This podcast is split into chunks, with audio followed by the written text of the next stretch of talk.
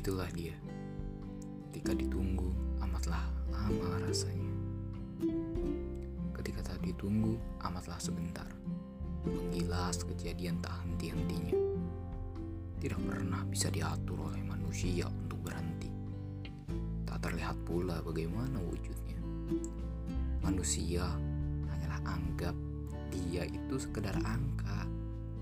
Mereka tidak sadar dia lebih berguna daripada insan-insan. Dia membawakan sebuah takdir, dia membawakan pelajaran, dia membawakan bahagia, dia membawakan sedih. Banyak hal yang telah dia bawa. Jikalau kau bertanya siapakah dia, maka akan kujawab, dia adalah waktu. Oke, sekian intro ya. Jadi uh, sekarang bahasannya kita perjalanan waktu ya. Ada request dari teman dia minta perjalanan waktu. Kayak pas banget nih buat kita kita yang muda-muda yang masih belum manfaatin waktu termasuk gue gitu ya. Jadi kita kayak sharing aja. Nanti bisa chat gue. Kalau nggak ya DM dulu deh di Instagram gue at aflsmu dot underscore. Oke ribet sih emang. Oke tapi kalau kita masuk ke bagian waktu banyak loh waktu itu yang bilang waktu itu kejam waktu itu gak pernah mikirin kita waktu itu ya jalan terus gak pernah mikirin kita gimana sedih atau bahagia. Pas lagi bahagia rasanya bentar banget lagi sedih rasanya lama banget waktu berjalan. Gitu ya. Hmm, buat gua waktu itu ya tolak ukur gua.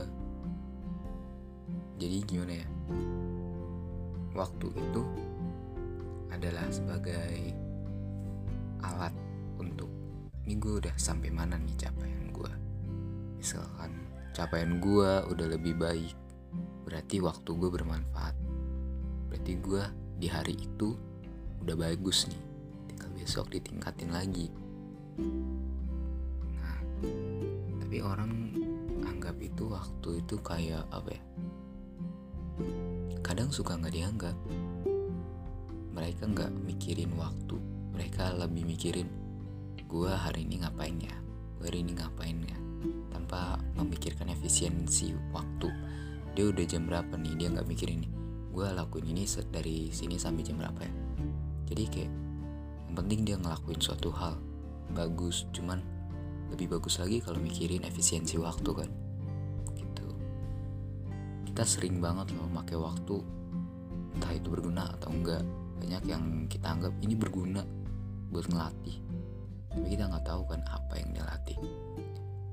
Pemakaian waktu juga sebenarnya jangan terfokus sama satu hal kalau emang terpaksa untuk terfokus sama satu hal ya apa boleh buat? Contoh kalau gue pribadi gue kadang suka ngabisin waktu buat main game. Kalau udah main game gak kerasa tiba-tiba udah berapa jam lah udah main. Sedangkan kalau gue mulai lagi nih habis main game terus gue baca buku 5 menit rasanya berat banget. Kayak otaknya tuh udah bebel. Menerima materi masuk tuh mental gitu jadi kadang kalau mau belajar gue literasi dulu buat gue sih. Baca buku-buku uh, uh, inspiratif. Ini gue lagi baca buku Youth Leadership dari siapa ya nih? Alwan Hafiz. Anak lab school terus masuk UGM bagus itu. Terus kalau di pemakaian waktu itu gue ini masih tergolong belum bagus dalam manajemen nih gue kadang suka apa ya bodo amat kadang suka ah ini ntar ntar. Nah itu kesalahan gue sebenarnya. Jangan nunda. Jadi kalau emang mau efisien dalam waktu jangan main game. Kalau mau main game di akhir kayak refreshing aja. Kita rugi banget loh kalau misalkan waktu kita dihabisin 5 jam deh 5 jam. Kelihatannya dikit kan. Tapi tuh dalam 5 jam kalau kita belajar atau baca buku yang inspiratif atau yang berisikan sebuah ilmu itu berguna banget. Memotivasi diri. Kalau kita main game 5 jam apa yang kita rasain? Ada kesel ada senang. Tapi nggak keisi ilmunya. Meskipun ada jadi ini tahu nih cara-cara di game ini apa. Tapi kan nggak penting buat masa depan kita kan. Terus kita juga nggak jarang banget nggak jarang banget nyalahin waktu. Kita nyalahin waktu. Wah wahai waktu. Sungguhlah kamu kejam. Membiarkan waktu cepat berlalu ketika aku bersamanya. Itu contohnya. Orang yang lagi pacaran atau hubungan suami istri kan? Suaminya balik tapi bentar lagi dinas lagi gitu contohnya. Terus ada juga uh, lagi nunggu hasil tes entah itu SBM atau SNM atau hasil kerja lah. Nungguin pengumuman atau nunggu hasil atau nunggu seseorang. Kalau lama pasti hai waktu. Sungguhlah kejam kamu menahan waktu ini begitu lama hingga aku lelah menunggunya. Gitu. Jadi kita suka nyalahin secara nggak sadar kan.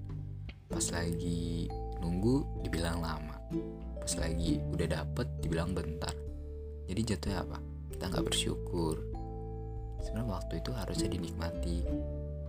Nikmati aja. Emang sih kalau sekarang gue pribadi anggap waktu itu jalannya cepat. Tiba-tiba udah gini tiba-tiba gini. Nah maka dari itu gue tahu waktu itu cepat maka ini waktu nggak boleh gue sia-siain. Harus gue apa ya kelola gue harus manajemen gimana caranya waktu ini nggak ngerugiin gue malah menguntungkan. Jadi kita lebih unggul dari teman-teman yang lain kita udah mikirin masalah waktu teman-teman masih kayak mikirin gue harus ngapain ya? Nah itu kita harus sadar juga sebenarnya. Kita harus sadar apa yang bikin kita jatuh apa yang bikin kita gagal apa yang bikin kita males sebenarnya? Sadar aja dulu dimulai dari sadar baru implementasinya. Contoh uh, misalnya gue suka main game ya suka ngepush rank pagi siang sore malam. Nah di situ berarti gue sadar dong harus sadar banget bahwa waktu gue nggak berguna. Waktu gue disia-siain karena game. Berarti jalan keluarnya gue harus jauhin. Gak harus dihilangin. Jauhin aja kurangin kurangin. Sama aja kayak pecandu narkoba terus tiba-tiba gak dikasih asupan narkoba bisa mati. Jadi kayak kalau game kita udah kecanduan main game tiba-tiba kita hilangin gitu kita berhentiin kayak mau mulai belajar juga males. Karena semangatnya di mana? Di game. Jadi kurangin aja porsinya yang tadinya pagi siang sore malam uh, pagi siang aja kalau udah bisa pagi sore pagi aja. Nah kalau pagi aja udah bisa nah tinggal kurangin porsi jamnya. Mungkin sehari satu jam atau dua jam. Atau bisa? Nggak main sama sekali itu bagus. Berarti ada perubahan diri. Yang penting itu perubahan diri mau sekecil apa pun tapi dilaksanain dan berhasil itu yang penting. Daripada kita punya planning banyak dari A sampai Z tapi nggak ada yang kita beresin nggak ada yang kita lakuin. Sama aja nggak berguna. Jadi lebih baik planning kita cuma tiga atau satu tapi kita berhasil ngejalanin. Sukses. Tuh lebih keren. Oke. Okay. segitu aja tentang podcast gue di perjalanan waktu. Sampai ketemu di episode selanjutnya. Bye